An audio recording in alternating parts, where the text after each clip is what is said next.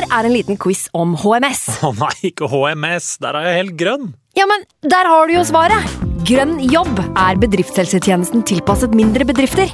Våre HMS-eksperter hjelper mer enn 8000 bedrifter over hele Norge med alt fra lovpålagte HMS-krav til pålegg fra Arbeidstilsynet. Få på plass bedriftshelsetjeneste på grønnjobb.no.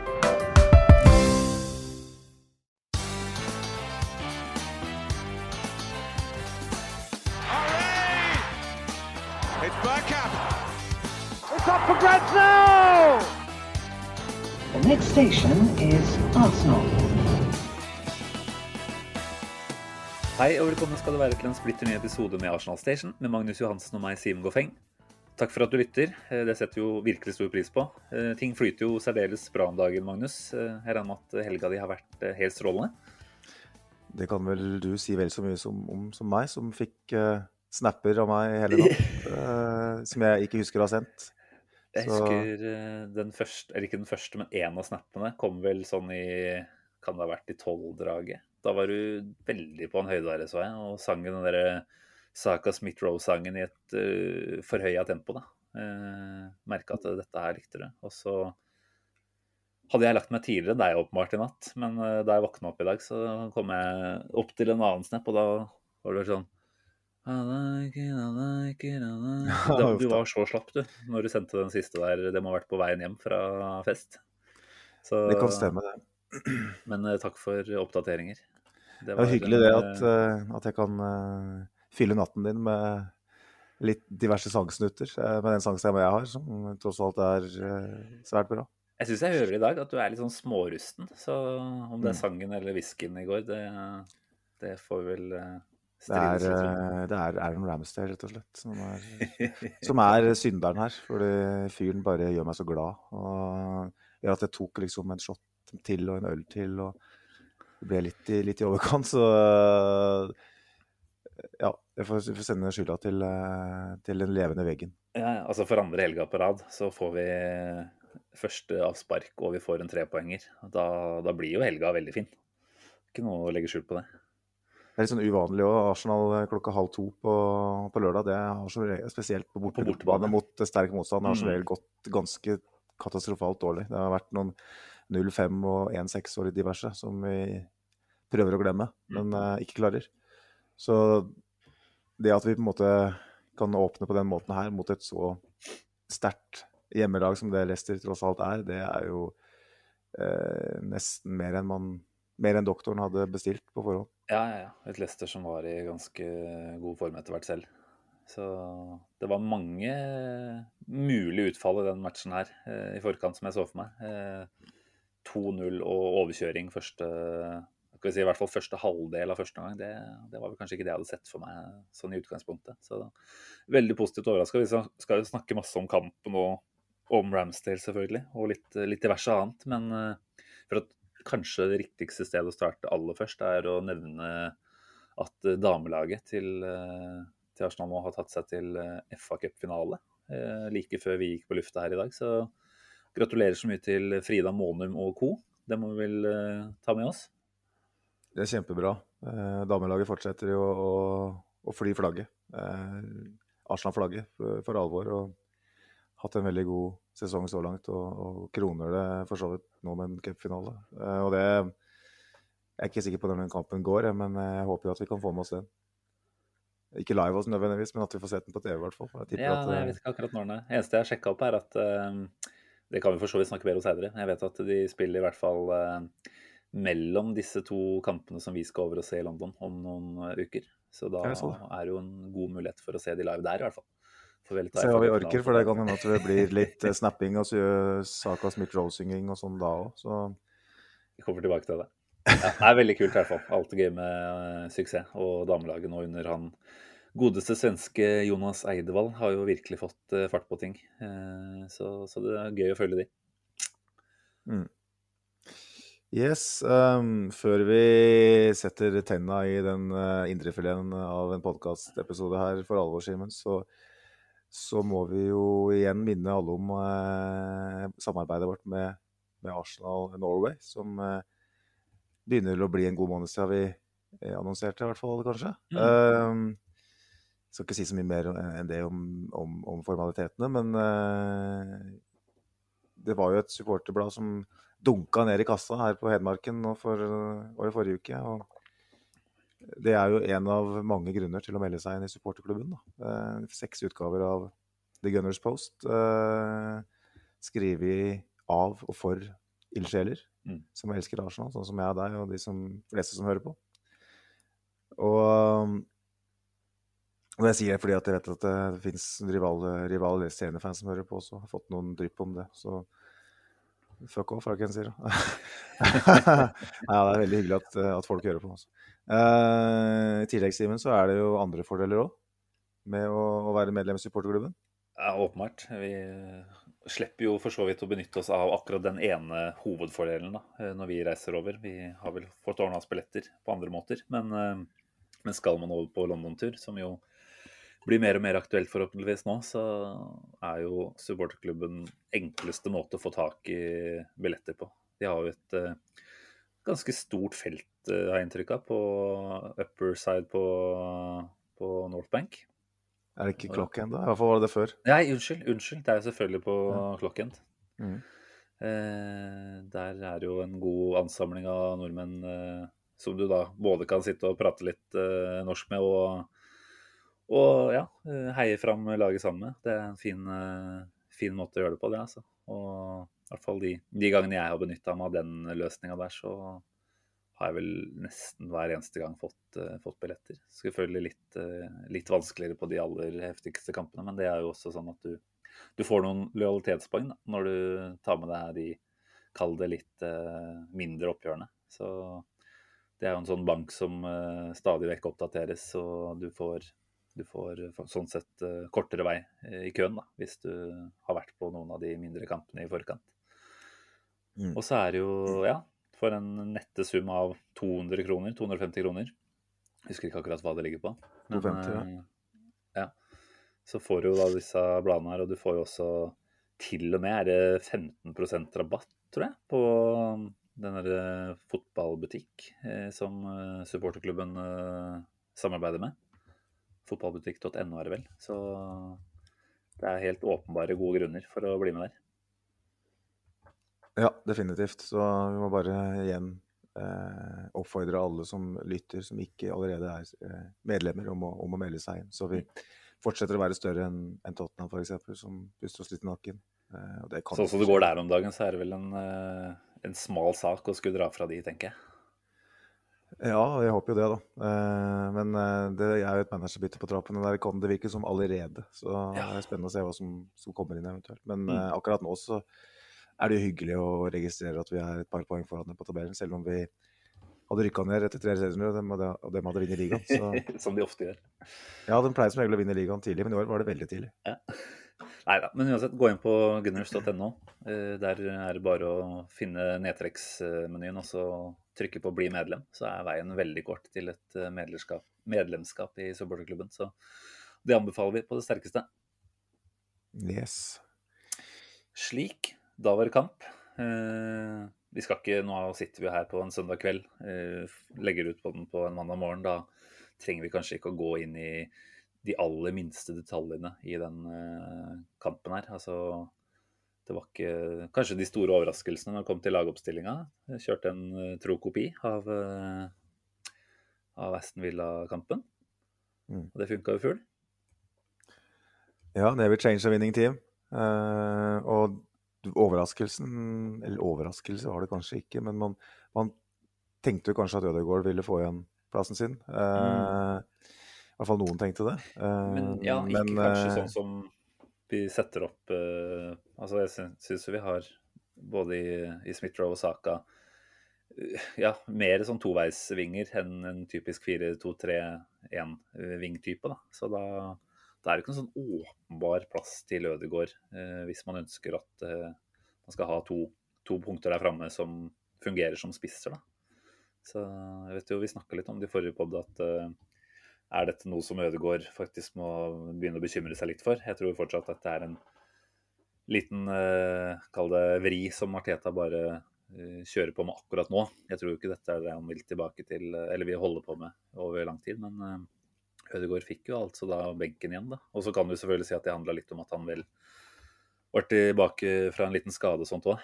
Men, eh, men tenker du at det var riktig valg? Det var det vel kanskje åpenbart når det gikk som det gikk?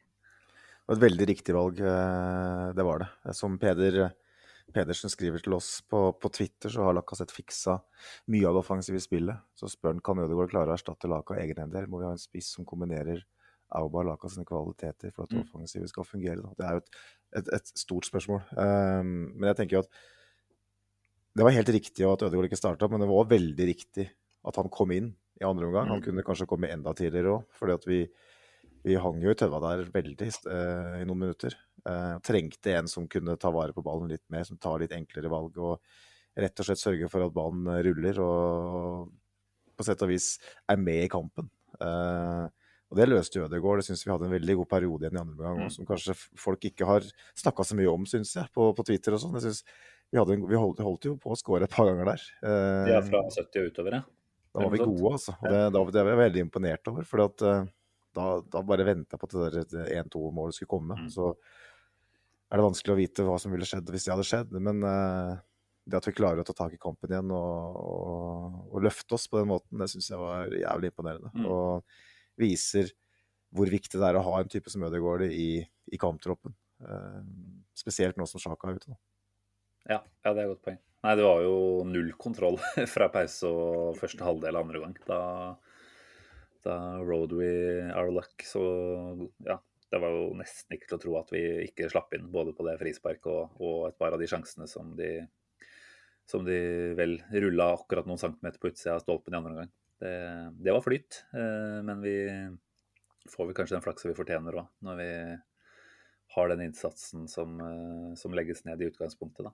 Men eh, nei, godt poeng det med at vi fikk en kontroll fra ja, rundt 70-65 utover. da.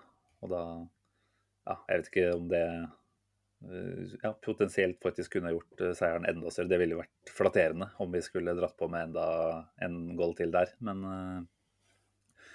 en veldig god side ved både Arteta, som på en måte kanskje vi har vært litt skeptiske til, da, det der underveismanagementet hans. Som uh, han klarer å endre kampbildet underveis uh, på en sånn type måte. Det gjør han jo definitivt uh, mot Leicester nå. Interessant også at han ikke tar Auba.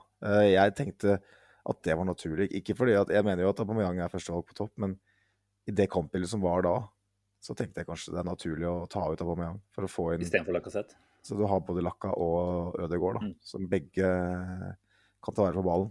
Og, Jeg- og jeg jeg syns Ja. Ja, Nei, jeg tenkte vel at det var helt riktig å ta Lacassette. Og så, jeg vet ikke hvor sliten han var, jeg, men uh, vi har vel sett tendensen at han ikke holder uh, så lenge, da. Uh, Det er et poeng. Det er et kjempepoeng, Så har du selvfølgelig. selvfølgelig kontringsstyrken som er større på, Lak- nei, på Aubameyang. Og den eksplosiviteten hans skulle jo egentlig resultert i et rødt kort til Johnny Evans der òg, ikke sant. Så Ja.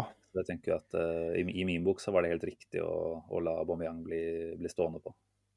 Nei, jeg bare tenkte at vi var i såpass stor trøbbel at vi, måtte bare få, få tak i spillere som kunne holde på kula litt. Og da tenkte jeg det var naturlig å ta av en, en type som Auba, som, som først og fremst er god når vi eh, angriper. Eh, og det var det veldig lite av i den perioden. Eh, så holdt vi på å skåre, da. Eh, men jeg tenker PP sitter jo på benken der og Mm. kommer jo inn nå, som er en sterk kontringsspiller. Og Smith-Rowe er jo er den beste kontringsspilleren vår, i mine øyne. Mm. Eh, som litt sånn klassisk Smith-Rowe, egentlig. Eh, slokner litt eh, i andre omgang, men det, det er ikke bare hans feil, det. da, Men han, han var jo veldig synlig og dominerende i første omgang, men i andre omgang så så vi jo nesten ikke. Eh, men jeg tenker at hvis du har han på banen, liksom, og da har du Som Gary Neville var det, nei, det var Carragher som sa det, at det var den beste spilleren i Premier League til å frakte ball. Mm. Det var jo relativt syke ord, da. Eh, Jeg tenker ikke på at det var feil, men at det, for, for en lovprising, da. For, Mm. en, for, noen, eh, for en påstand. Eh, Når du tenker på hva slags spillere som spiller en del andre klubber. Nei, men Så- Han har jo en, en tempo på den framdriften sin med ball i beina som er helt eksepsjonell. Og det, det er ikke alltid touchen er så veldig myk opp Altså, de blir jo for så vidt myke, men, eh, men han toucher den ballen på litt eh, mange ulike måter. Men alltid så havner han der den skal i forhold til eh, eh, løperetning og, og, hastighet på beina. Så det er en egen evne han har der. Altså. Jeg så litt på, på talla. Eh, han har jo 89 treff på pasningene i går. Eh, og det er ganske høyt uansett eh, hvilke motstander det er, når du spiller så høyt i banen som han gjør. Mm. Og spesielt å tenke på at Leicester, eh, spesielt da fra slutten av første omgang og utover, eh, hadde oss eh, litt på gaffelen. Uh, men han har, ikke, han har, ikke, mer enn 19 pasninger nå. Oi, men, uh, men, av dem så har han jo, er jo to nøkkelpasninger. da. Og så har han ei scoring og så har han to vellykka forseringer, som er flest på banen sammen med, med Tavares. Så, hvor, mange, touch har han, da, hvis du har de? Også?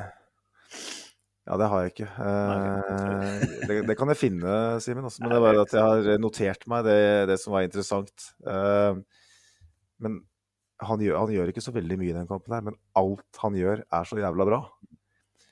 Det er det som er greia, at han er, som, han er den rake motsetningen av Nicolas Pepe, da, som eh, virker å være ganske langt unna en plass i den elveren her. Mm. For at han trenger på en måte å bli satt opp fem, seks, sju ganger for at han skal klare å utrette noe. Mens Smith-Roe trenger bare et par muligheter, og så, og så, ligger den ballen i mål. Enten ved at han har sendt en pasning, eller en nøkkelpasning, eller, eller, en assist, eller, eller har scora sjøl.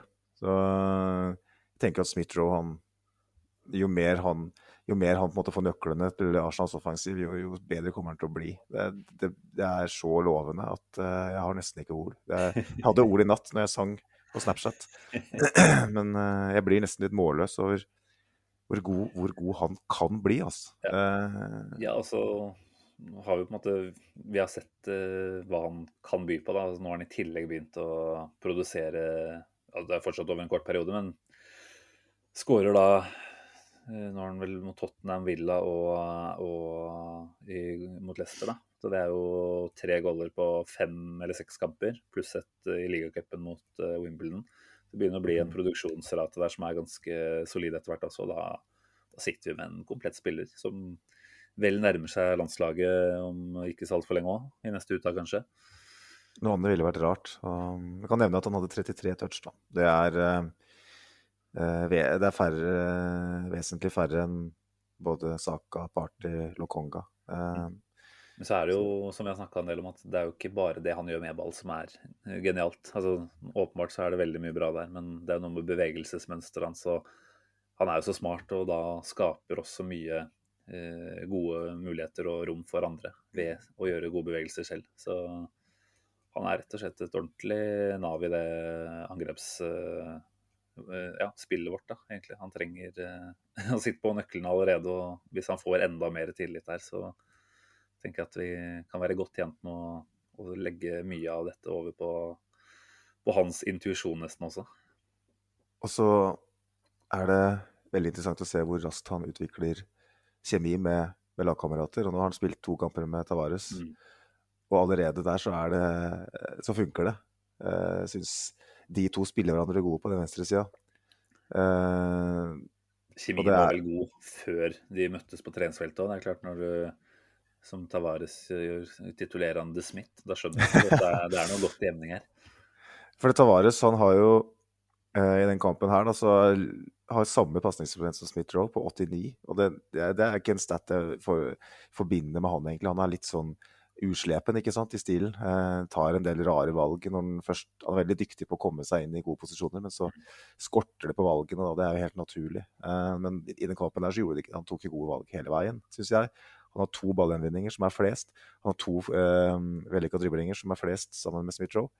Eh, I tillegg så gjør han jobben, grovjobben eh, defensivt. Jeg synes, eh, jeg er veldig veldig overraska, eh, rett og slett, over eh, hvor kjapt han har og det kan, det kan, endre seg i neste kamp allerede, for jeg, jeg tror han er en type som absolutt kan gi deg en tre av ti en ettermiddag. Men for et beist av en fotballspiller, og for en for, for, en utvikling da, i løpet av et par, eh, par matcher. Jeg vet ikke, ja, Simen. Jeg syns det passer eh, å ta med et spørsmål her fra Nils August på Twitter, som spør eh, om vi kan snakke litt om forskjellen det er å ha noen som faktisk kan dekke opp for Tini når han er ute, da, i Tavares. Han skriver selv at det er vel knapt noen som savner Tini nå, som sier alt man trenger å vite om Tavares. Og det er klart Den Tini som vi har sett denne sesongen, her, har jo ikke vært på, på sedvanlig høyt nivå heller. og da da var det jo nesten en liten blessing in disguise at han fikk denne lille kjenningen. Han har jo blitt sannsynligvis overforbrukt over flere år, både på landslag og klubblag. Så at han nå får en, en liten break og ikke trenger å rushes tilbake fordi man faktisk har en erstatter som går inn og gjør mye av eh, det vi håper at Tierney skal bidra med offensivt, enda bedre da, enn det Tierney har gjort så langt denne sesongen. Det, det er noe å være veldig positiv eh, til, definitivt. Ja, og så var vel vi eh, og ymta frempå i slutten av fjorårssesongen om eh, spørsmålet trenger vi rett og slett en erstatter for Kieran Tierney på lang sikt. Fordi at han er for mye ute. Eh, og det så viktig som bekkene er i oppbyggende fasen av spillet og sånn, spesielt så venstreorientert som Arsenal er, Mm. er vi avhengig av at den venstrebekken er i stand til å utvikle gode relasjoner med, med medspillerne. Er avhengig av at det er en toveisspiller som, som eh, kan gå både høyt og i banen og bidra der, og i tillegg komme seg hjem når det trengs. Mm. Og jeg tenker jo at det er altfor tidlig å si at Tavares eh, har tatt plassen til Tierney, men eh, Ja. Eh, Men hvis, eh, hvis han fortsetter på, på det nivået her, så tenker jeg at da må Kieran Tierney virkelig jobbe for å få komme tilbake i laget, og det er bare bra. Det er jo den eneste bra tingen, altså at vi har faktisk konkurranse om plassene. Det kjempesunnhetstegn. Så det bare å være takknemlig for den jobben som er blitt gjort i scoutinga der. For det var ikke noen åpenbar kandidat som ble nevnt hyppig når man snakka om venstrebekk-kjøp i sommer. Så der har de dratt en skikkelig kanin opp av hatten, altså. Mm. Eh, nå har vi jo egentlig snakka litt om forskjellig. Jeg syns det er verdt å nevne litt sånn kort om målet. Da. Eh, nå fikk vi jo enda et eh, dødballmål. Eh, vi er vel da Premier League-laget med flest dødballskåringer så langt denne sesongen. her. Det er jo helt åpenbart at han eh, Hva han heter da? Nicolas Jover? Jover. Ja. Mm. Har kommet inn og kanskje ikke gjort noe helt eh, ekstraordinært, men klart å kan vi, systematisere litt da, og planlegge litt mer på hva som skal skje på dødballtrekkene. Og det var helt åpenbart at du sender begge, begge høye stoppere inn mot første stolpe, og så slår du ballen inn der. Og da er det ganske god sjanse for at en av de vinner den duellen, og det gjør Gabriel nå. Da får vi en drømmestart. Det er vel femte eller sjette minutt eller sånt, er det ikke det? Så mm. kjempevåpen å dra fram fra Dra opp i arsenalet, det må vi bare si. Ja, det er veldig viktig. Og vi var vel ganske brukbare på dødball i fjor òg. Men eh, vi har jo sett et Arsenal som ofte har slått den der eh, corneren på første stolpe på litt for lavt. eh, Mm. Mange ganger. Nicolas Pepe sine corner har stort sett landa litt for lavt. Og så varierer man i mye større grad, ikke sant. Du så jo det der trekket som holdt på å ende i 3-0-skåring der, hvor er det Ben White som eh, stuper fram der, mener jeg husker. Ja. Et en volley eh, på, fra Aubameyang, en volleypasning fra Aubameyang. Mm. Det var et helt fantastisk trekk, og det var jo bare en, eh, det var Luke Thomas tror jeg, som, som var der og sørga for at eh, Ben White bare, ikke bare kunne stupe den i mål. Eh, og det er noe med at Jo mer man varierer, jo vanskeligere blir det for, for motstandere å forholde seg til det. Og Mm. Jeg syns vi har vært for dårlige på det eh, jevnt over de siste åra. Eh, en sånn detaljfokus. Det er det vi kanskje forbinder med Arteta, det vi håper Arteta skal være. da. Han er en sånn litt sånn eh, besatt type. Mm. Sånn som Guardiola for så vidt er. At han, og som Guardiola påpekte også, at, eh, at Arteta flere ganger eh, gjorde han oppmerksom på ting. Blant annet den der eh, frispark, berømte frisparket til De Bruyne mot, mot Arsenal for noen år siden. Når, når han sa til Guardiola at, og De Bruyne at den muren der hopper, det er bare å sette den under. Ja. Ikke sant? Og du ser Pep bare hold, eh, grabber tak i Arteta og rister den bare Yes, takk skal du ha.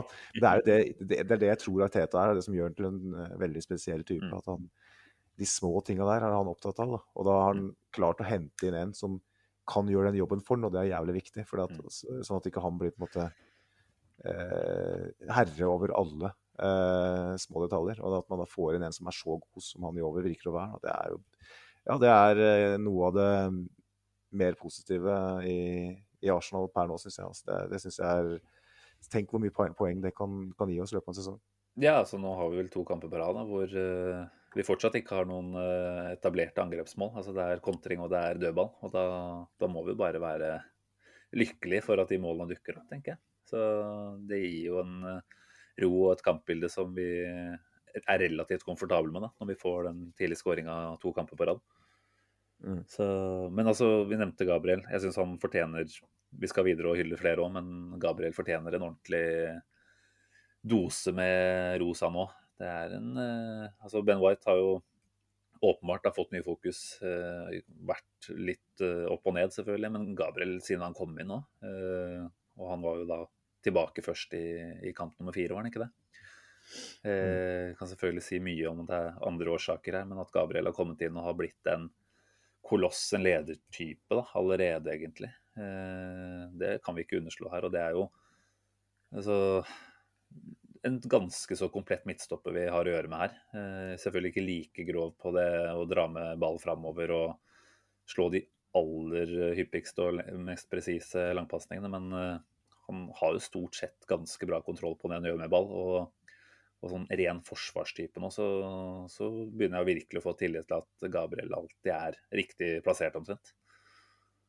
Ja, han vokser eh, fra uke til uke. Virker som blir tre centimeter høyere fra kant til kamp òg. Det er jo han er et monster i lufta, han er god med ballen i beina, for så vidt, Mm. som du sier. Og så, så kjapt klarer å utvikle et samarbeid med Ben White. Da. Jeg snakka med en Leeds-supporter her tidligere i dag, og han sa at uh, det er ikke tilfeldig nødvendigvis, fordi at Ben White han var eh, bestekompis med Liam Cooper i Leeds og etter ei uke. Uh, så Ben White er nok veldig Virker å være enkel å forholde seg til som, Mm. som partner, men jeg, det er jo ikke bare han, det er jo Gabriel òg.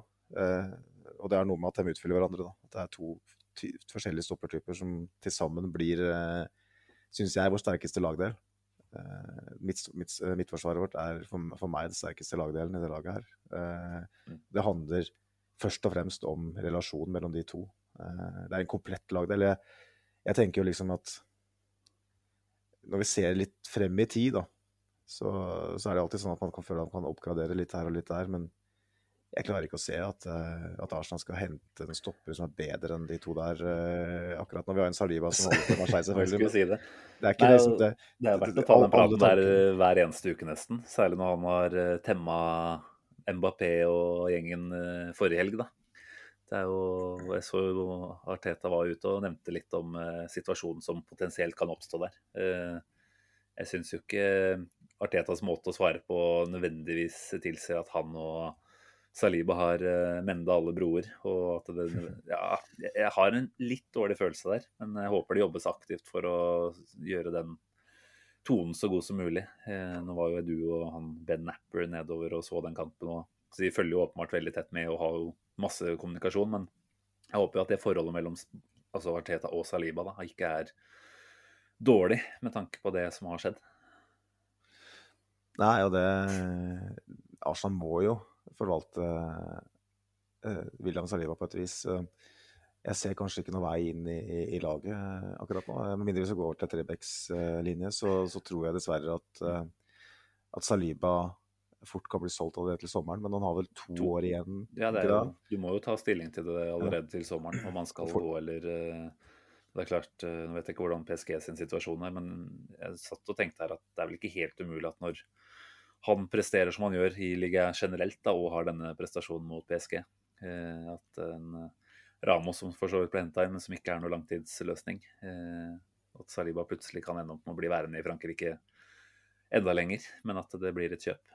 Fra, jeg tror ikke Marseille har de pengene vi krever, og da er det vel bare PSG der nede som kan betale de. Så det kan være en løsning. Eller så kan vi jo selvfølgelig sitte og drømme om at vi er i en eh, ja, Champions League-diskusjon til, eh, til neste år, og at vi da trenger å ha en tredje veldig god midtstopper for å kunne rullere enda mer. Ja, det er lov å drømme, Simen.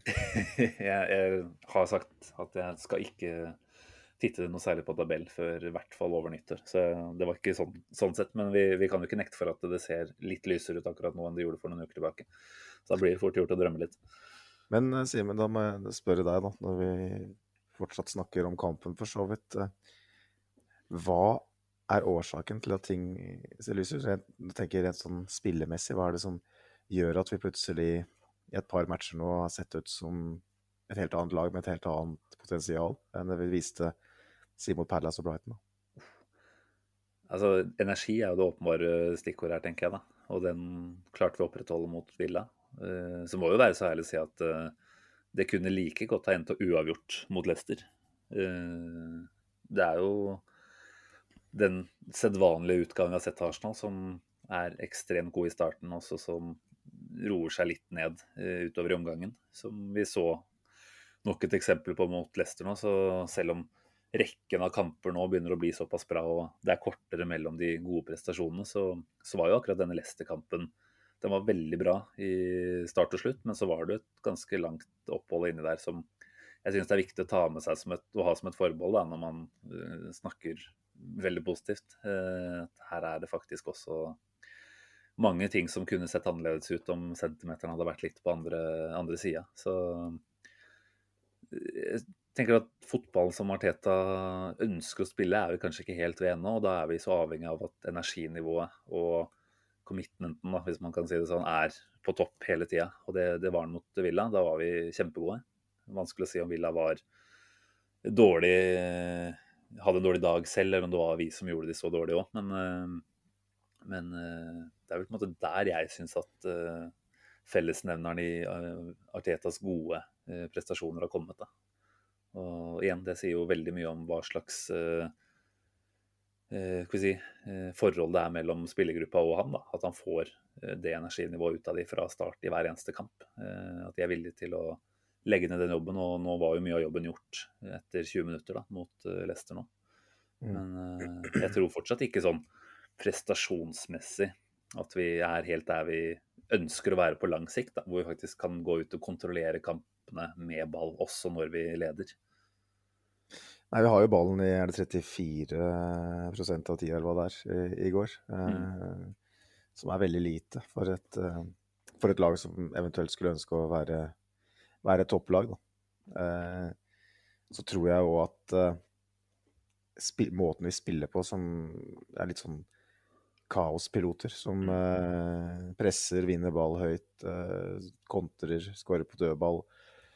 Kamper som ikke helt setter seg på et vis. Jeg følte at kampen satte seg litt i går i, i, andre omgang, når Leicester på en måte styrer eh, og, og banespill og vi forsvarer oss. Men sånn når Arsenal er best, så er det på en måte litt sånn tut og kjør fotball. Mm. Eh, eksemplifisert med, med Nuno Tavares, som er nummer én på, på, det, på den for det er tut og kjør. Så det er jo ikke sånn Teta ønsker å, å spille. Jeg tror, jeg tror, igjen at han med hermetegn har snubla litt inn i en oppskrift igjen, med, mm. med Lacassette. Eh, han satte inn han mot Palace, og så plutselig, umiddelbart, så, så funka det.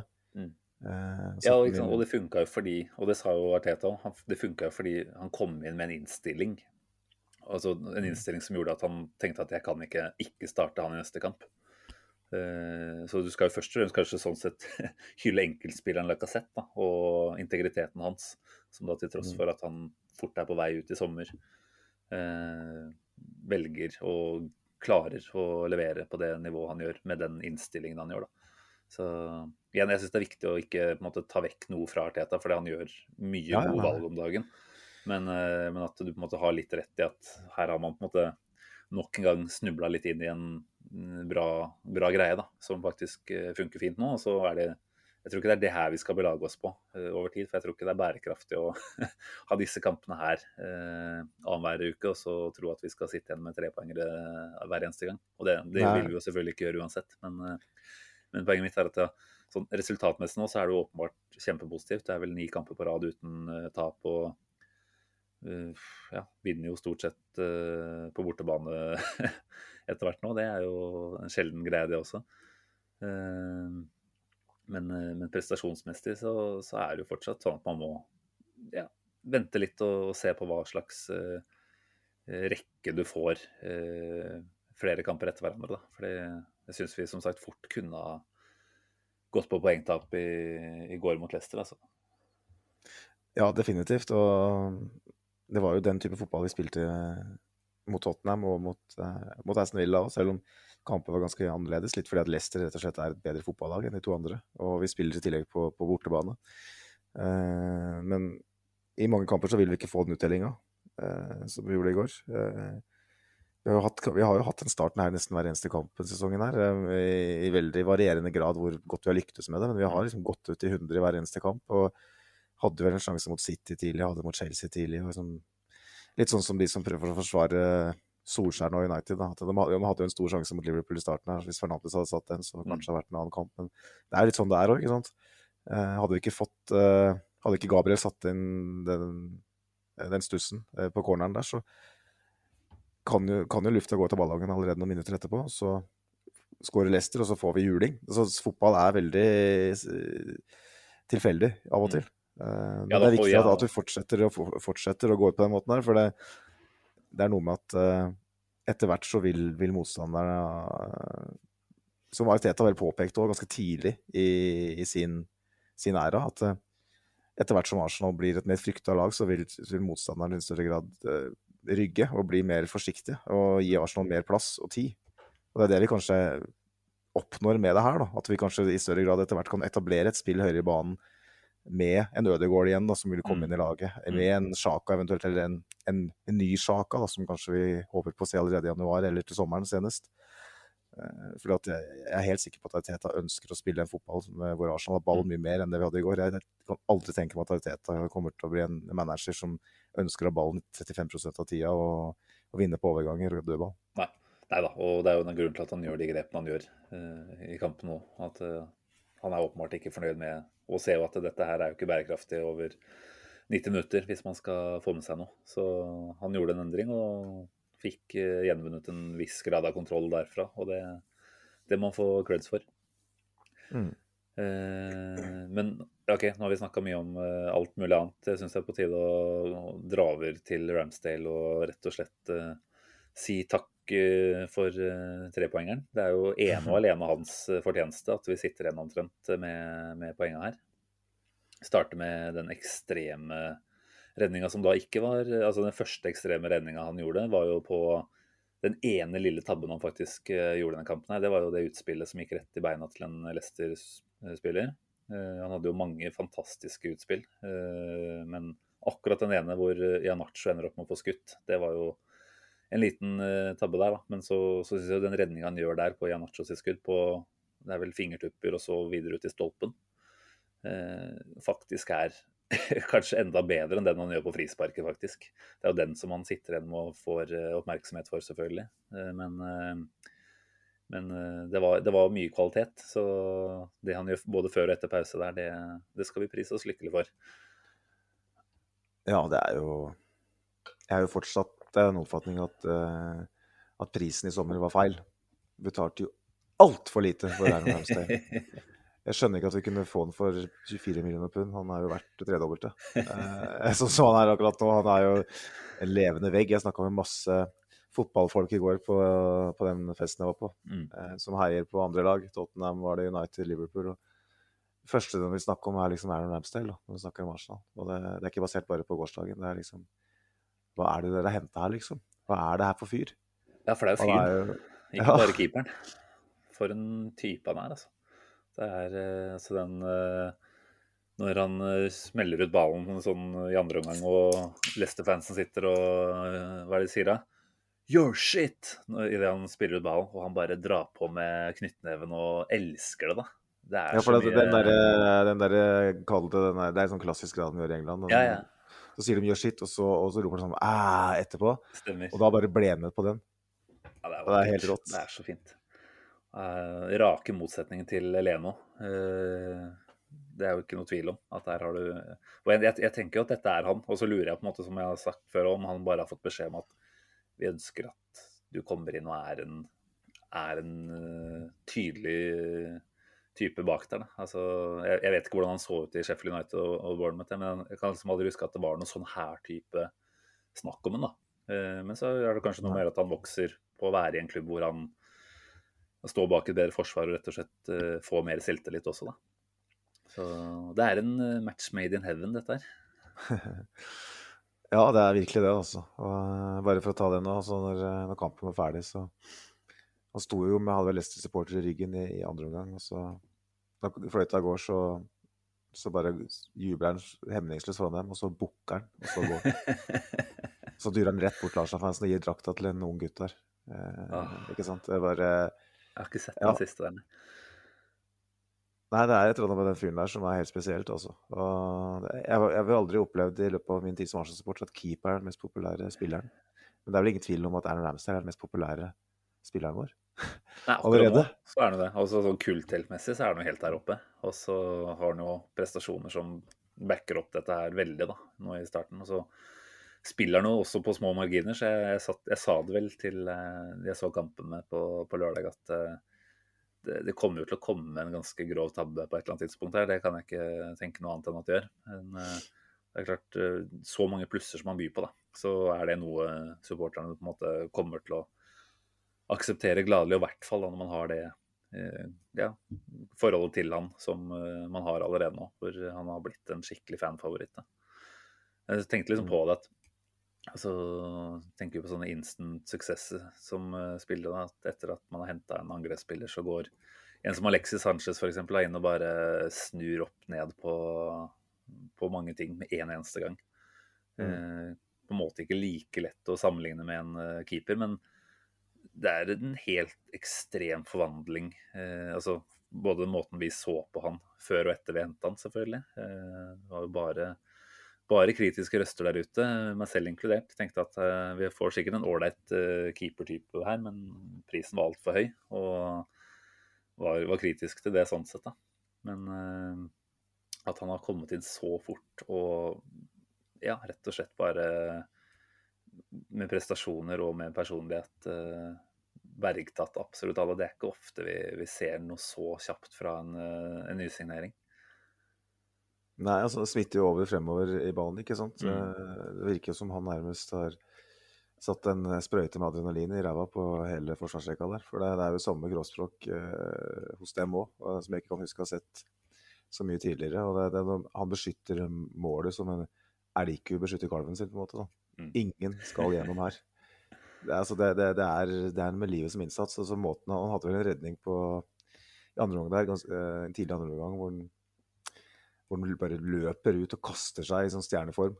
Uh, ja, stemmer det. Og det er så aggressivt. ikke sant? David Seaman sa vel at Han ble, var jo på Arsblogg sin Ars eh, podkast her for noen dager siden, og da sa at en av de tingene som han har lagt merke til på treningsfeltet, er at han, han flytter beina sine så jævlig fort. Mm.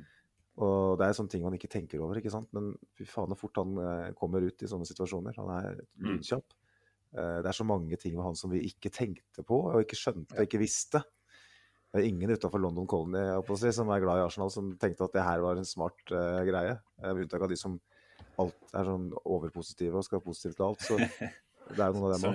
Eh, det er lov, det òg. Men uh, de fleste av oss var jo skeptiske. Ja. Uh, og vi har jo sett den en del òg. Han har jo stått i Premier League et par sesonger. Mm. og jeg så ikke det komme i det hele tatt. Altså. Nei, Vi må jo bare hylle den scoutinga som har blitt gjort her fra Arsenal sin side. Eller om ja, hvem som har gjort den jobben. Arteta virker jo å ha hatt veldig lyst på typen, uh, uten at jeg vet hvor godt han kjenner til den. Men, uh, men jeg syns det er imponerende da, med tanke på at han, har, han hadde jo en annen type keeperrolle i Sheffield United og i Bournemouth.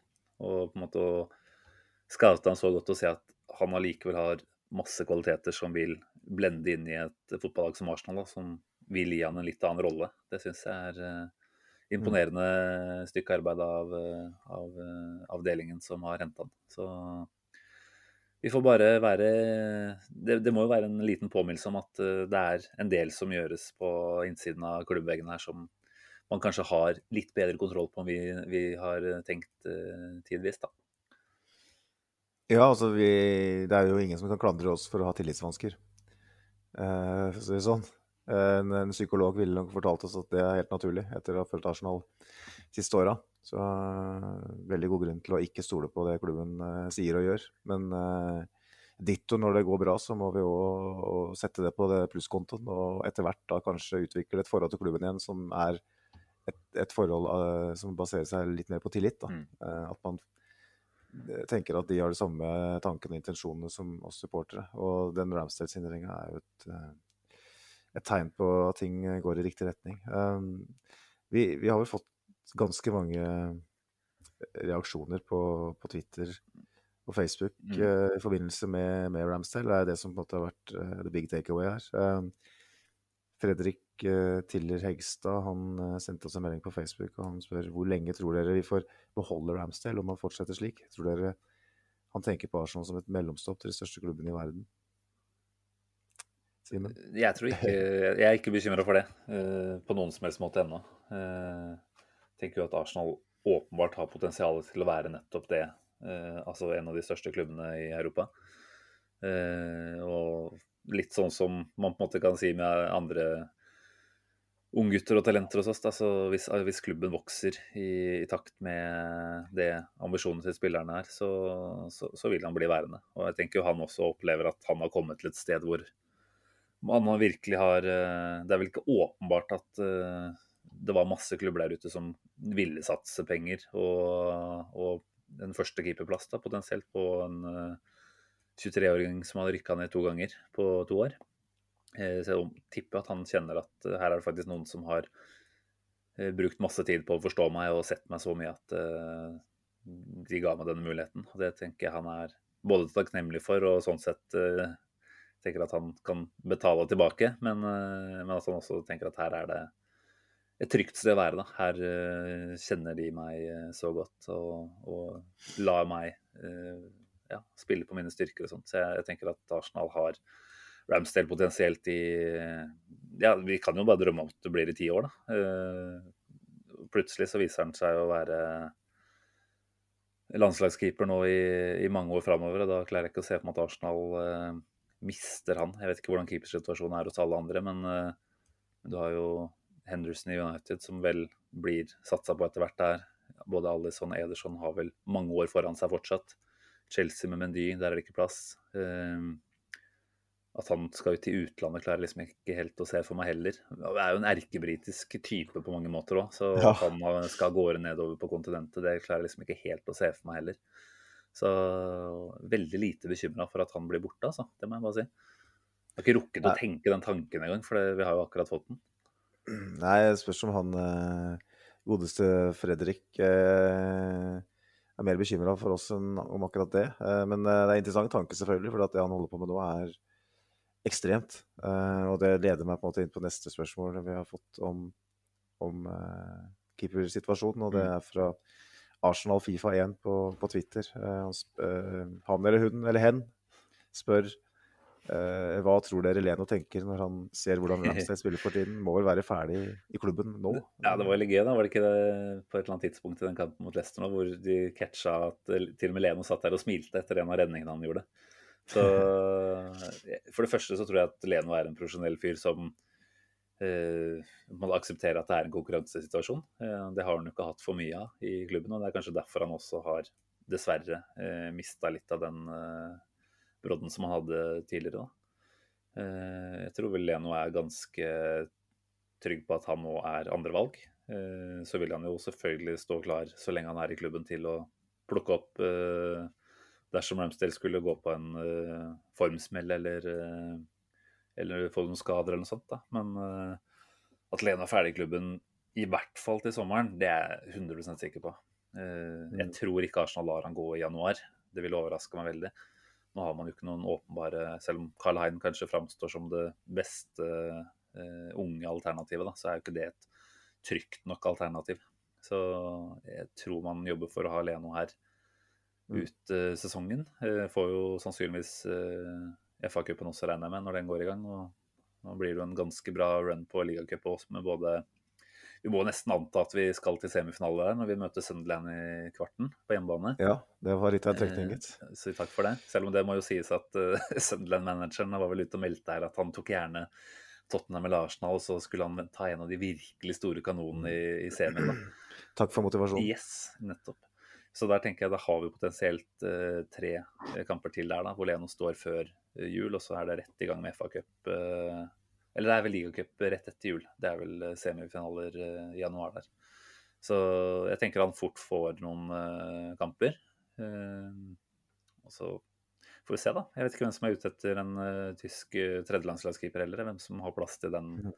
den typen der nå. Men jeg tror vel Jeg var ganske trygg på egentlig når man henta Ramsdale, at Leno eh, skulle fases ut uh, kanskje i løpet av denne sesongen. her, og Så gikk det jo enda fortere enn det man trodde. da. Men uh, mm.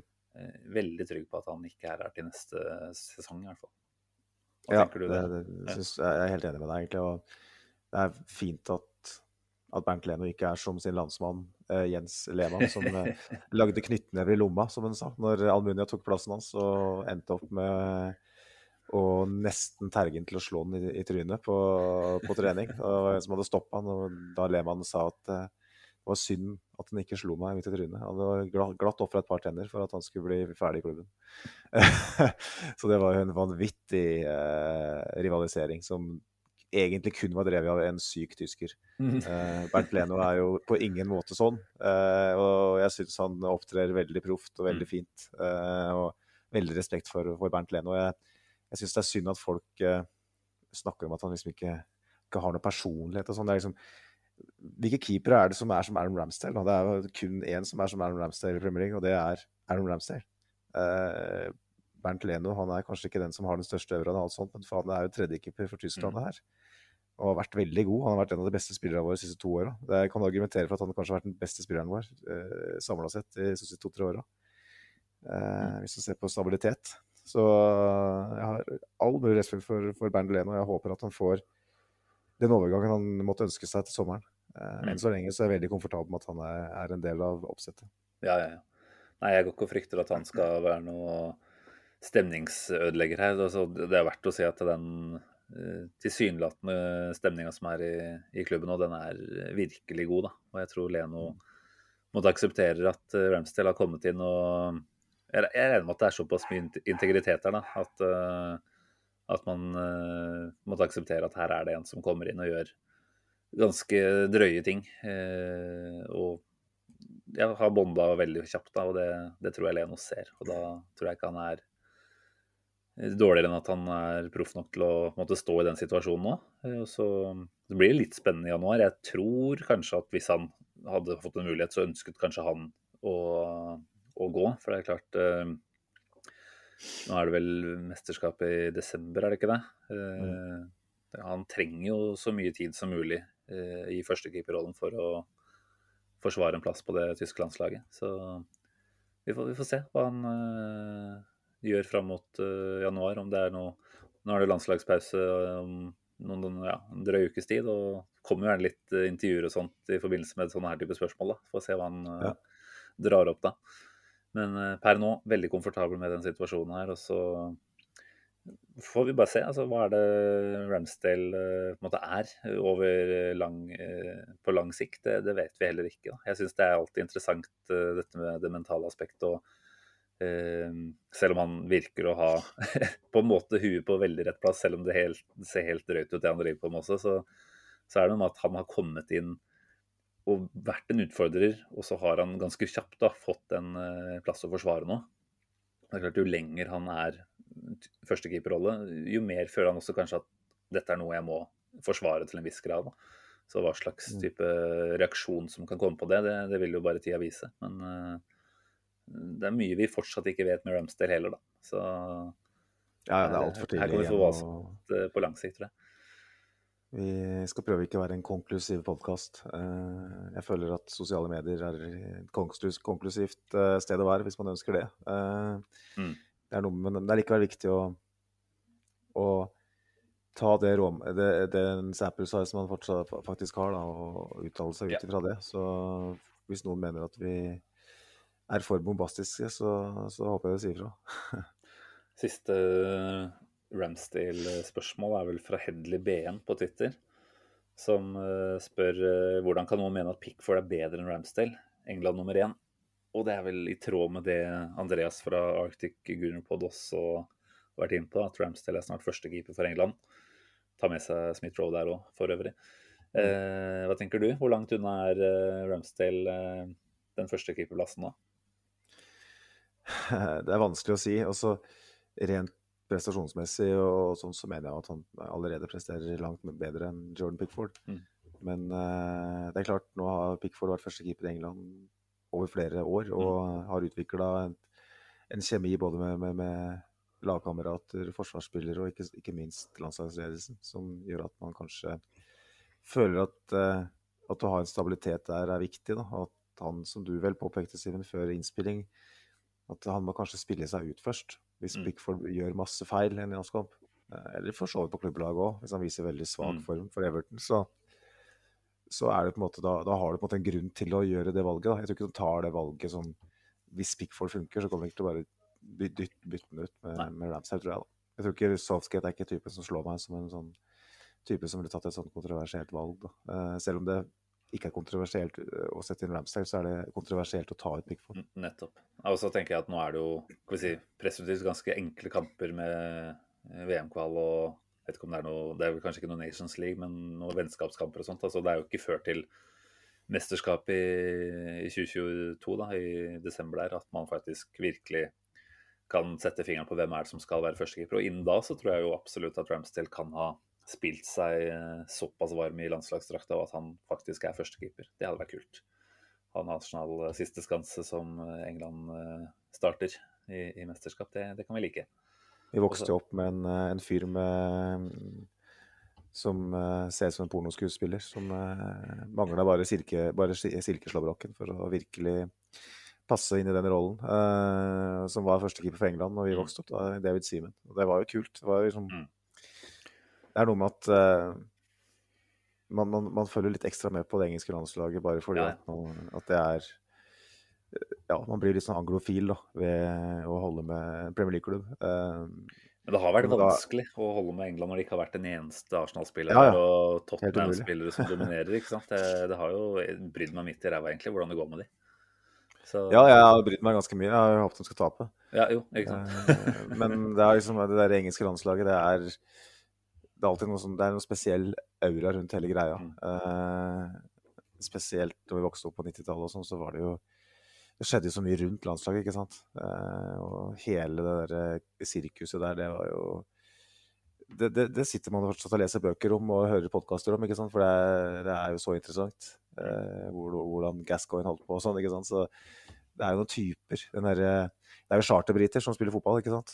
Som kaprer fly og setter seg i tannlegestoler og drikker vodka og sånn. Nå er det en helt annen generasjon også, selvfølgelig, men det, det er fremdeles sånn at man føler at det er briter det her. Så det, det kommer til å bli litt kok og litt ablegøyer. Eh, Aaron Ramsdale Hadde han vært født på 70-tallet eller 80-tallet, så, så hadde han kanskje vært en del av den gjengen der. jeg, ser for, jeg ser for meg at han eh, ville tatt seg en fest og vært et midtpunkt, eh, hvis det hadde vært kultur for det. Mm. Eh, han er jo en, eh, et naturlig midtpunkt i de fleste rom han er i, vil jeg tro. Ja, det ser sånn ut. Så er det verdt å nevne at i den landslagspraten her, da, så kan vi også si at med Ramsdale inn, og potensielt som en viktig brikke i England etter hvert, så, så vil det jo bli naturlig å involvere Ben White i større og større grad også. Den Mm. kjemien som de har opparbeidet seg ganske kjapt nå på klubblaget, må jo være en åpenbar eh, pluss å ta med seg inn på landslaget også for Southgate. Så jeg vil jo tro at Ben White også er ganske close på en eh, landslagsplass nå. Jeg vet ikke om det uttaket det skjer vel i løpet av uka som kommer nå. Eh, Mm. Så plutselig der så sitter vi med ja, Saka er jo en banker, selvfølgelig. Eh, Ben White har vært inne og er vel sannsynligvis inne igjen nå, ville jeg trodd. Jeg blir overraska hvis ikke. Eh, Ramsdale skal med, og så har vi jo kanskje til og med en Smith Rowe inne. Så det begynner å bli total Arsenal-dominans på landslaget. Det kan vi like. Jeg er litt usikker på Ben White. eh, Er det det? er det mange, ja, det er mange om beinet der har vært. Det er klart, Nå har jo ikke Maguire vært Nei, men han tar jo eh, ikke ut Maguire, reinkarnasjon av. Han har ikke akkurat vært Beckenbauer den siste tida. Maguire, samme med Tyron Mings, men det ble jo tatt Mm. ble vraka for Villa i dag, så det kan godt hende at han mister plassen sin. Uh, det jeg tenker der er veien inn. altså har vel Connor Cody og sånn vært en del av troppen. Uh, så ja, det kan godt hende at han får plass. Altså, men det ville ikke vært sånn kjempeoverraska om han ikke fikk det heller. Nei da, det er ikke noe Jeg tenker han har ikke hastverk. Han, han er en framtidsforsvarsspiller som uh, tenker i mye større grad enn f.eks. en, uh, en eh, Harry Maguire vil, vil kunne gi det engelske landslaget mer å by på framover. Men eh, det er klart som kaptein Han er vel kaptein, eller er det Kane som er kaptein? Maguire? Kan det Kane, da? Jo, det er kanskje Kane. Men uh, Maguire har jo vært en ja, kontinuitetsbærer på laget der noen år nå, så han, han eh, får jo åpenbart fortsatt uh, tillit, selv om det har gått litt råere på landslaget. Nei, på klubblaget. Men eh, nei da, det blir spennende å se på hvilket uttak som gjøres der. Er det andre åpenbare ting rundt Ramsdale som vi burde ta med? Det er jo verdt å nevne at han fortsatt ikke har sluppet inn et eneste mål da, på bortebane, faktisk. Det, det er kult. Det har jeg ikke tenkt over. Nei, det er jo ganske rått. Eh, det er som jeg sa, det er, eh, det er en burvokter som tar buret sitt på alvor der. Han vokter det med alle lem og all energi. Eh, og Ja, han sleit vel med, med privaten her i, i kamp mot Leicester også. Og helt åpenbart alle lemmer som benyttes for å holde buret rent. Ja. yes. Um, er det noe mer fra i går da? Nei, altså, I utgangspunktet er vel spørsmålene besvart. Eh, Det er jo noen reaksjoner som for så vidt eh, Det er alltid hyggelig å høre hva folk tenker etter kamp. Kan bare nevnes som kjapt at Andreas Mathiassen skriver at eh, nå må det anskaffes en Ramsdale-drakt. Det, det er på sin plass nå. Eh, Herregud, for en helt. Det må sies at eh, Gabriel White også er et av de beste stoppeparene i Premier League. Mm. Mens Jonas Lundsvold eh, hyller de første fantastiske 20 minuttene. Eh, det bakre leddet var utrolig. Eh, men det deiligste av alt var at eh, Arsenal-døderen Jamie ikke fikk til en dritt. Det gir meg overraskende stor glede. Og det, det må jeg jo si at eh, med tanke på at Vardi har vel Det er vel ingen andre klubber han har skåra flere mål mot enn Arsenal i Premier League. Eh, Du frykter jo alltid av han eh, i de kampene her. Eh, Det ga også meg stor glede å se at han ikke fikk til noen verdens ting. Jeg tror ikke Jonas skal være så veldig overraska over at det ga glede. Det er naturlig, tenker jeg, at han var mye glad av det. Han har jo vært et horn i siden for oss. Jamie var det. Og så Jeg tenker jo at det Arsenal gjorde i går, var jo en helt perfekt gameplan mot et Jamie Vardy-lag. Gå ut, skåre et par tidlige mål og sørge for at det ikke er noe bakrom. Da. Mm. For det, uten bakrom så, så blir det fort en Jamie Vardy, og ikke minst en Kretschi Nacho.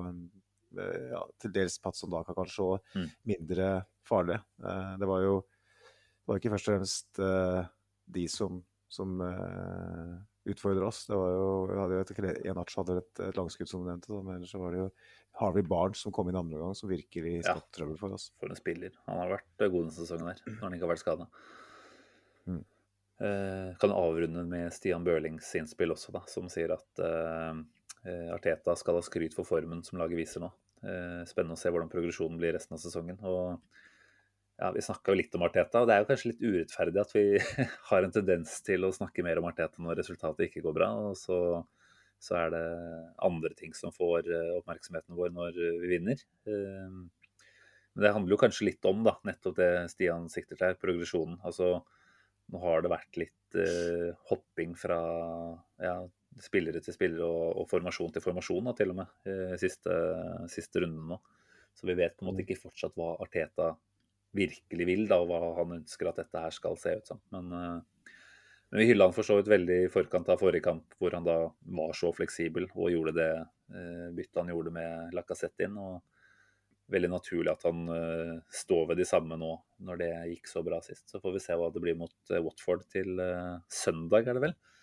Ja. Det blir jo en ordentlig test for Arteta, for så vidt sånn sett, med tanke på at det har vært mer rom mot både Villa og, og Leicester, mens her får du en sånn klassisk eh, tung, baktung motstander som eh, kommer til Emirates for å forsvare seg, sannsynligvis. da. Eh, det blir spennende å se hvor godt eh, Ranieri får til det. Det har vel vært litt både og der også så langt. Men eh, Ja, det har vært Men, veldig både eh, potensielt da, en, en vanskelig kamp eh, for et lag som, som Arsenal nå fortsatt er, da, som ikke har skåret noe særlig på etablert angrepsspill. Eh, det er jo det vi har etterlyst noen eh, uker nå. Eh, vi har fått, fått mye annet eh, snacks, så vi skal ikke klage, men eh, mot Watford så kan vi jo kanskje komme til å trenge at det faktisk produseres enda mer i det etablerte spillet. Ja, eh, definitivt. Og um, jeg tenker jo det, før vi går videre, at um, det Aiteta skal hylles for, og som åpenbart han gjør, eh, som han kanskje ikke får nok kreditt for, det er jo at han klarer å sørge for at spillergruppa hele veien er villig til å blø for han. Mm. Eh, det er jo på ingen måte en selvfølge. Det er jo veldig mange i hans sko som sannsynligvis ville opplevd at spillergruppa hadde gitt opp. Mm. Jeg føler at spillergruppa ga opp under Emry. Det syns ikke jeg er noe særlig tvil om. Mm. Siste, siste par måneder så var det, det var ingenting igjen. Og det er mange som sier at ja, men Emry ble jo nummer fem og så videre, bla, bla, bla. Men ja, han hadde en ganske OK første sesongen, eh, første sesong under Emry, altså. Med unntak av den der forferdelige Baku-seansen. så, så, så var jo en akseptabel første sesong. Eh, men det er jo ingen tvil om at det, det kollapsa jo helt i sesong to. Eh, og under Arteta så har det aldri Det har kollapsa på sett og vis. Altså, den høstsesongen vi hadde i fjor, det var en kollaps. Mm. Vi lå jo nesten på nedrykk, ikke sant? Men det har alltid liksom vært en gnist der. Det har alltid vært spillere som er villige til å stå på, spesielt de yngre spillerne, da. Som han da har spilt veldig på, og i tillegg da valgt å gå for en sånn ungdomslinje, da. Eh, det er ikke bare han som har eh, så tenkt det, selvfølgelig, men han har, jo, han har jo sikkert over tid sett at det er de unge, sultne spillerne med noe å bevise, som har en karriere foran seg, som, som han kan sende ut i krigen. da. Mens de som da er litt mette eh, William da, Jeg har glemt den, så trenger ikke å nevne den. Nei, beklager. Det er aldri en episode uten å nevne William. Eh, men, men, jeg føler at det er veldig imponerende at han, mm. at han har klart å bevare troen. Jeg lurer på liksom hvordan det har vært internt hele veien. da. Det liksom vært, har det vært sånn For at vi er, vi er jo åpenbart uh, supportere, og vi er reaksjonære, og vi, vi, vi, spekulerer veldig i, i framtida hans og hva, som venter rundt, rundt neste sving. Men inne inn, inn, i garderoben og på treningsfeltet kanskje har det vært en mye større ro enn det vi tror. da. Mm. At det har vært sånn vet du, at det her er en del av prosessen. Mm. Og det, det tyder jo alt på at altså det var jo, Nå blir jo klokka skrudd langt tilbake når jeg nevner det her, men altså det han sa etter de første tre etapene, den landslagspausen der, han snakket om som den beste perioden han har hatt uh, i trenerkarrieren sin, da, hvor han sannsynligvis mm. fikk bekrefta fra alle i og rundt klubben at uh, dette er et prosjekt vi fortsatt har tro på. Det må jo ha vært mm. en ekstrem uh, ja, rett og slett tillitserklæring for han da, å kjenne på at her er det fortsatt tro, til tross for at vi står med 0-9 målforskjell og går inn i en landslagspause med det 0-5-tapet som det var mot City. og da, Det var jo virkelig en sånn type prestasjon hvor man begynte å lure på er, er det noe igjen her. på en måte. Og så, så fikk han ja. svar allerede fra, fra, de treningene som, som ble avholdt underveis i landslagssammenhengen. Og det som har skjedd siden det og utover nå, det er jo ekstremt positivt. Så nei, Uh, under Arteta dette her, og det er jo ikke noe tvil om at uh, selv om vi også har vært kritiske til tider, så ønsker man jo for all del at dette skal gå bra. Altså, mm. Det kan jo knapt bli vakrere enn at en gammel uh, kaptein kommer tilbake og får skuta her på rett kjøl. Det, det, er jo, det, er jo et lite eventyr. Og det, det, blir jo for så vidt også spennende å se hvordan denne historien blir framstilt på Amazon når serien begynner å rulle over skjermen. Er det i januar eller februar? Det, det kan jo bli en skikkelig eh, happy ending. Vi skal ikke drømme oss altfor langt bort nå, men uh, ser jo at det er konturer av en bra Kall det ja, eh, sånn dramaturgisk oppsetting her. Vi er glad i happy endings, Simen. Eh, men jeg, jeg, tenker de orda som Mariteta valgte da i, i kjølvannet av 05-kampen mot, mot, City, hvor han da sier at dette er, som du sier, de beste dagene mine i fotballen. Det var jo, hørtes jo rablende sinnssykt ut. Det hørtes ut Hva er det du kødder med nå, liksom? Du har akkurat blitt fullstendig ydmyka, og så, så står du jo Det er nesten sånn at man føler man blir gjort litt for narr ikke sant, på det mm. tidspunktet. Det sånn der, hvordan i alle dager kan det være positivt å ha, ha, det sånn? Men det kan jo bli ikonisk, ikke sant? Litt sånn som You, you Never Win Anything With Kids som, eh, fra 90-tallet. Mm. Og United og Ferguson. Eh, hvis liksom det her er starten på noe stort, da. Det skal jeg være veldig forsiktig med å mene. Det er veldig, veldig tidlig, men det er et tenkt scenario. Så vil jo de Det intervjuet vil jo da bli ikonisk. Mm. Eh, ja, det og det, det, hadde vært jævlig fett om det hadde blitt det. Vi gleder oss til fortsettelsen. Nå er vi jo virkelig der at vi gleder oss. Altså, igjen, Man skal ikke undervurdere Watford, men man må jo si at å gå inn til en sånn type kamp, eh, som for så vidt er tricky, men med den eh, rekka vi har nå. Da. Det er lave skuldre og brede smil og forhåpentligvis mye overskuddsenergi nå med åtte dager da, mellom kampene her. Så mm. må vi jo håpe at vi kommer ut og virkelig blåser eh, over Watford fra, fra start eh, til søndag. Og så, så er vi plutselig oppe i miksen her, altså. Men eh, nå ja. tror jeg vi har prata godt og lenge om dette. Ja, Magnus, jeg tror vi kanskje skal begynne å se fram mot uh, X-spillerspalten. Hvis ikke du har noe annet du har lyst til å dra innom først? Nei, nå tenker jeg at vi får begrense oss litt her, rett og slett. Uh, vi er flinke til å ikke gjøre det, så da kan vi prøve å avslutte nå med en X-spiller, og så du hadde jo en ekstremt fin en forrige uke med Fabregas. Jeg vet at du fikk uh, hyggelige tilbakemeldinger uh, på den. Så hvis du er i nærheten av å nå samme nivå her i dag, da, da skal jeg bare glede meg. Det vil jeg på en gang si at det er nok ikke. fordi at uh, den Fabregas-falten hadde jeg veldig god tid på å skrive. Uh, den her har blitt forfatta litt hurtigere, så ikke sitt med den, uh, den innstillinga, for da blir du skuffa. Men okay. er det noe som er rablet ned her, så får vi se som, hvordan det blir mottatt. Vær så god. Takk for det. For et par uker siden ble det klart at Arsenal har sikra seg tjenestene til Zain Ali Salman. Instagram-klippene av den begavede teknikeren har gått viralt, og klubben skal etter sigende ha hatt sterk konkurranse om signaturen hans. Det skulle vel også bare mangle, da han åpenbart er en av verdens beste fotballspillere, født i 2016. En skal tidlig krøkes, det neste Messi søkes. For det er selvsagt det argentinske fenomenets navn som blir tråkket opp av den forutsigbare hatten når femåringens fremtid skal profeteres. Men hvordan det går med stakkars Salman, er ikke godt å si. Den neste Messi blir han neppe. Stjernedyrking av barn lønner seg nesten aldri. Selv tenåringer tåler det dårlig. Dagens X-spiller tilhører sistnevnte kategori. Da han satte seg på flyet som 15-åring for å signere for Arsenal, kjente han på ulming i mellomgulvet. Som sommerfugler som er vingeklippet av glefsende termitter. Et nytt land venta en ny kultur med et annet språk og et annet levesett. Foreldrene ble bytta ut med, ukjent, med en ukjent vertsfamilie. Barndomsvennene med utenlandske rivaler. Det hele ble overveldende for den lovende venstrebekken. Den formelle britiske kulturen virka fremmed, og han slet med å finne seg til rette. I 2007, et par år etter ankomsten, var han til stede på White Hart Lane som tilskuer for å se de eldre lagkameratene feie gulvet med lillebror. Eller så langt kom han ikke. Ved inngangen ble han stoppa av vaktene. Please wait here, fikk han beskjed om.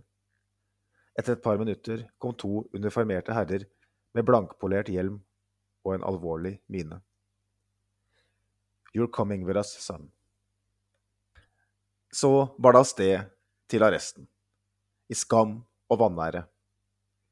Å forsøke å smugle inn en slåsshanske av jern ble ikke godt mottatt. Selv kunne han forklare at han hadde vært på kamper mellom PSG og Marseille i Paris, hvor uskyldige tilskuere hadde blitt angrepet av horder av casuals. Jeg trodde det var slik i England også. Jeg tok med slåsshansken som beskyttelse. Kjøper vi den? Tja Å komme til White Hart Lane med fightervilje gir deg evig respekt til N5 men ikke på denne måten. Døra på Wengers kontor sto åpen den påfølgende mandagen. Dit kunne han alltid søke tilflukt. Selv med nylig betalt kausjon og dårlig samvittighet. Strenge, men velmenende ord ble servert, akkompagnert av en arm rundt skuldra. Han visste at den franske manageren ville beskytte ham. Som han gjorde det tilbake i 2005, da den nylig ankomne unggutten sårt meddelte at han hadde psykiske vansker. Wenger var alltid åpen for å snakke om personlige ting som plaga oss. Hos han var mental helse på ingen måte tabubelagt. Jeg hadde nok ikke innrømma å ha psykiske vansker overfor andre managere. De ville sett på det som en svakhet. Men ikke Wenger. Han var som en farsfigur. Tross mentale utfordringer evna den unge bekken å utmerke seg. 22.07.2006, dagen da Embrace Stadium åpnet portene for første gang, var dagens X-spiller i troppen. Den nye storstua skulle innvies samtidig som fotballguden Dennis Berkamp skulle takkes av. Motstander var Ajax, og på Arsenals venstrebekk så vi et ukjent fjes. Dagens X-spiller hadde ennå ikke debutert for førstelaget, så for de fleste var dette et nytt bekjentskap. Og han klarte seg veldig bra. I burgerkøene og på The Gunners pub etter kampen ble selvsagt Bergkamp behørig hyllet med allsang og sjarmerende hyl fra middelaldrende menn men i bakgrunnen kunne man høre en summing. Det ble hviska forsiktig om et senegalesisk hurtigtog. En 17-åring med fremtidene for sine føtter. Litt som Nuno Tavares i dag var han velsigna med en fryktinngytende fysikk. Han hadde både smidighet og eksplosivitet. Det handla kun om å fintune de tekniske og taktiske ferdighetene. Men det skulle ta litt tid. Etter et sesonglangt låneopphold i Portsmouth i 2008-2009-sesongen, hvor han fikk verdifull Premier League-matching, ble han endelig ansett for å være et fullverdig medlem av Wengers Premier League-tropp. På senhøsten, påfølgende sesong, ble Arsenals førstevalg på venstrebekken, Gael Clichy, skada, og dagens X-spiller fikk endelig sin virkelige sjanse. Unggutten starta fire kamper på rad, hvorav laget vant tre og spilte én uavgjort. De fleste forstå-seg-på-ere var enige om at han viste lovende takter, men etter at Clichy returnerte fra skade, fikk Villbassen med slåsshansken kun én ytterligere ligakamp denne sesongen.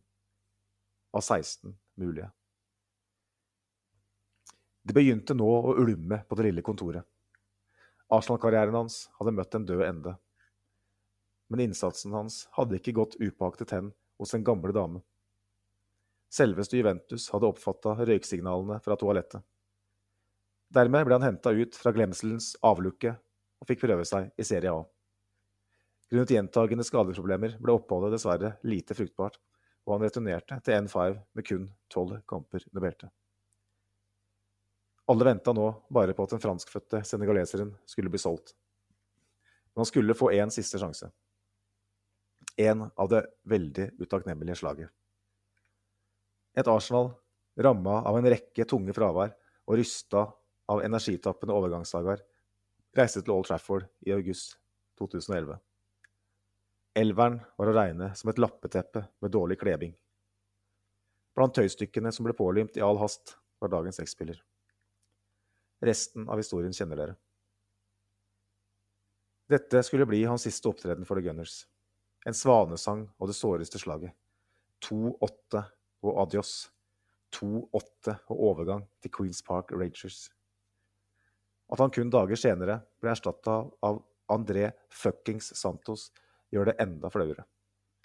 I sannhetens tegn hadde klubben kanskje tjent på å la dagens X-spiller fortsette. Men i det minste har han lært oss litt om hvor tøft det kan være for unge gutter å forlate krybben på egen hånd for å bli dyrka som et vidunderbarn. Hvor tøft det kan være med ny kultur og en nytt levesett når man knapt har rukket å gro en dunbart. Heldigvis havna Armand Traore hos Arsen Wenger.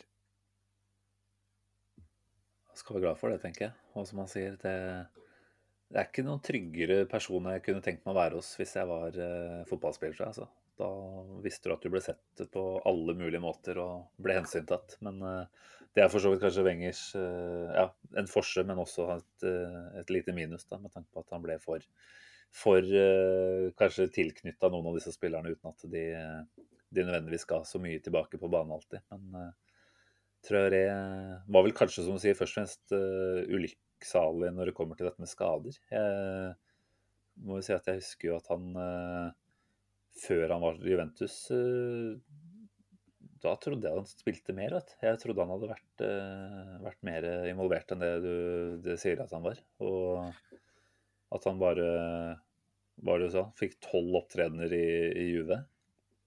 Tyder jo på at det først og fremst var problematikk rundt skader som, eh, som var det verste her. da. Og et eh, fysisk vidunder. Litt sånn på samme måte som eh, en nåværende Nuno Tavares kan sies å være. Mm. Men mangla jo åpenbart også en del andre ting. da. Ikke minst da en ja, solid muskulatur og, og kall det kanskje skjelett. Alle kompis. Oi. Oi. Hva var det? Hva er det du har på i bakgrunnen her? Nei, jeg, jeg trykte på en eh, lenke i forbindelse med Arman Traore-researchen her. Alla kompis.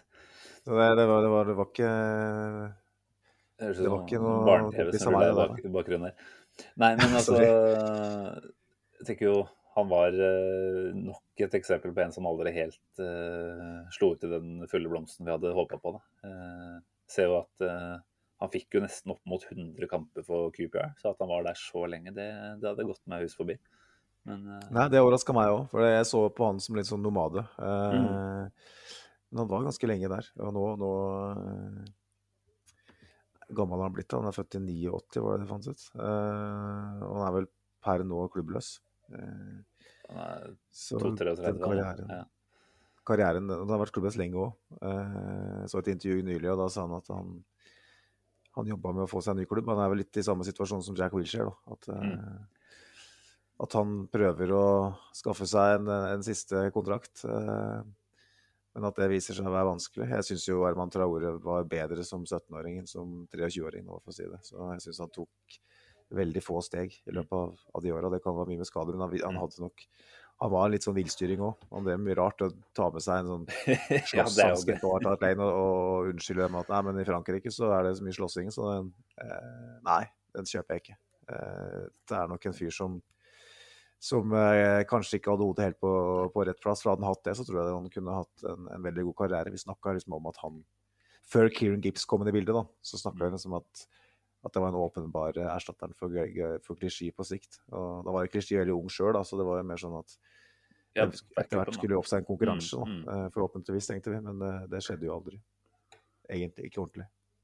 Nei, altså sånn Arsenal-messig så har den jo bare vært en ørliten parentes. Og det er klart når du ender opp på den måten du gjør med 2-8 som det siste du gjør i Arsenal-drakta, da er jo dessverre det eh, litt oppsummerende for de, de årene han var her. Det var ikke, det var ikke noen store høyder han uh, tok del i, vel. Jeg husker ikke om han hadde noe sånn helt åpenbare øyeblikk jeg, som var eh, Jeg husker i hvert fall ikke, uh, så da var det kanskje ikke det. Men uh, Nei, altså eh, Han hadde jo noen OK matcher i, i ligacupen. Så hadde han den lille perioden i Premier League da, hvor han fikk spille noen kamper på rad der. Og ikke gjorde seg bort.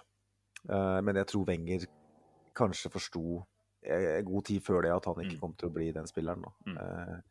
Han slenger han inn mot United der i den 2-8-matchen, så visste han vel at det her det er siste gangen, sannsynligvis. Eh, jeg vil ikke tro at han på det tidspunktet trodde at han skulle være svaret. Eh, selv om det å mene at Andreas Santos var svaret, eh, kanskje er en annen historie. Men jeg, jeg, jeg tenker at, at Wenger følte nok på altså Sånn jeg forsto det, da. Faren til Arman Traore han har vel vært i Monaco-systemet okay. på et vis. Ja, og han er en god, veldig god kompis Mm. med Wenger. Så det er litt av bakgrunnen for at, at Arsenal hentet han eh, som 15-16-åring. Og um, jeg tror han følte nok litt på et ansvar overfor fyren eh, og gutten. Ja, og Eh, igjen, han ivaretok den jo på en eh, bredere måte enn det han hadde trengt å gjøre som fotballtrener. Da. At han helt åpenbart har vært med å Så vi vet jo aldri hvordan det hadde gått med Traoré uten. Men det kan hende at det, det at han møtte Wenger og hadde noen år under hans vinger, har vært en, eh, en bra greie da, for han på lengre sikt. Så nok selv om det vel kan sies å ha vært vel så traumatiserende da, når du blir dytta på i den siste matchen der, og det er det siste du får gjøre i drakta. Da tar du kanskje med deg en del åpne sår osv. Uff. Ja. Eh, La oss ikke Nei, ikke eh, strø noe mer salt i det såret. Veldig fint eh, tilbakeblikk, i hvert fall. Takk. Godt levert. godt levert. Da tenker vi er ved veis ende i dag, jeg. Det er vi nå. Ferdig Det må vi være. Vi, ikke, vi har ikke kommet oss til en og en halv time engang, så det er bra. Da må vi bare forte oss avslutte, så vi ikke kommer dit. Nærheten av rekorden. Nei, men vi, vi tar vel en prat igjen etter uh, Watford. Uh, søndag eh, klokka tre er det avspark der. Uh, det betyr at Mm. Arsenal har en veldig ålreit treningsuke foran seg. Får håpe at kan nesten tillate en liten fest eh, på, på lørdag kvelden etter den Leicester-kampen da. Jeg vet ikke om de, hvordan muligheten er der, men eh, jeg vil si at når du har såpass mange kamper, så er det kanskje riktig tidspunkt å gi de en ørliten eh, sånn gevinst å sutte litt på også. Kanskje blir det Ramsdale i tannlegestolen. Eh, For de som ikke forstår den referansen, så handler det om eh, landslaget til England på 90-tallet, hvor det ble en som satte seg en tannlege-stol, og resten helte på med en flaske vodka og en Tequila rett i kjeften. Eh, Ser for veldig for meg at Aaron Ramsdale står i bresjen for noe sånt, eh, men jeg tror ikke at han får lov til det, heldigvis. Nei, nei, det er kanskje greit. Det blir spennende å se hva de disker opp med mot uh, Watford. Satser på at det kulminerer i en sånn ordentlig storseier etter hvert, det her nå. Ja, det, det er jo typisk om vi kanskje ikke får det nå, som vi var så forsiktige foran den Leicester-kampen og fikk det servert det her. Så, så jeg skal, jeg skal um, være litt forsiktig og si at, uh, at det sikkert blir en, en knepen hjemmeseier. Da er jeg positiv. Ok, ja, da, da blir ikke jeg den store motvekten der. Jeg tror vel kanskje at vi, vi eksploderer ikke helt ennå. Men uh, altså igjen, Watford kan by på hva som helst. Ja, altså. Så har de dagen, så blir det tøft, uh, virkelig. Og har vi dagen og de skrur av litt, så kan det bli veldig gøy. Vi får se hva som skjer. Mm. Håper eh, alle som lytter har en eh, veldig fin uke i mellomtida. Det er jo for så vidt ikke fotballfri, selv om det er Arsenal-fri. Eh, litt europagreier og sånt, så kan man jo titte på det med et halvt øye hvis man vil det. Selv om det ikke blir det samme, selvfølgelig. Men uh, uka, den får bare bli som den blir, Magnus. Håper du nyter den, du også. Tipper at det blir uh, litt uh, melankolsk drama på TV. og Litt høstlig, litt høstlig stemning foran en festlig helg. Nydelig. Tusen takk eh, for at eh, du lytter. Det setter vi veldig stor pris, pris på, faktisk. Eh, vi høres igjen om ikke så altfor lenge. På gjensyn. Ha det bra.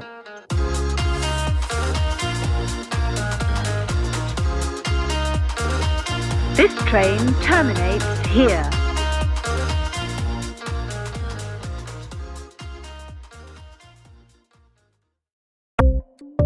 Ukens annonsør er HelloFresh. HelloFresh er verdens ledende matkasseleverandør og kan være redningen i en travel hverdag. Mange av oss har nok vandret i butikken både sultne og uten en plan for middagen, som ender med at vi går for de samme kjedelige rettene gang på gang.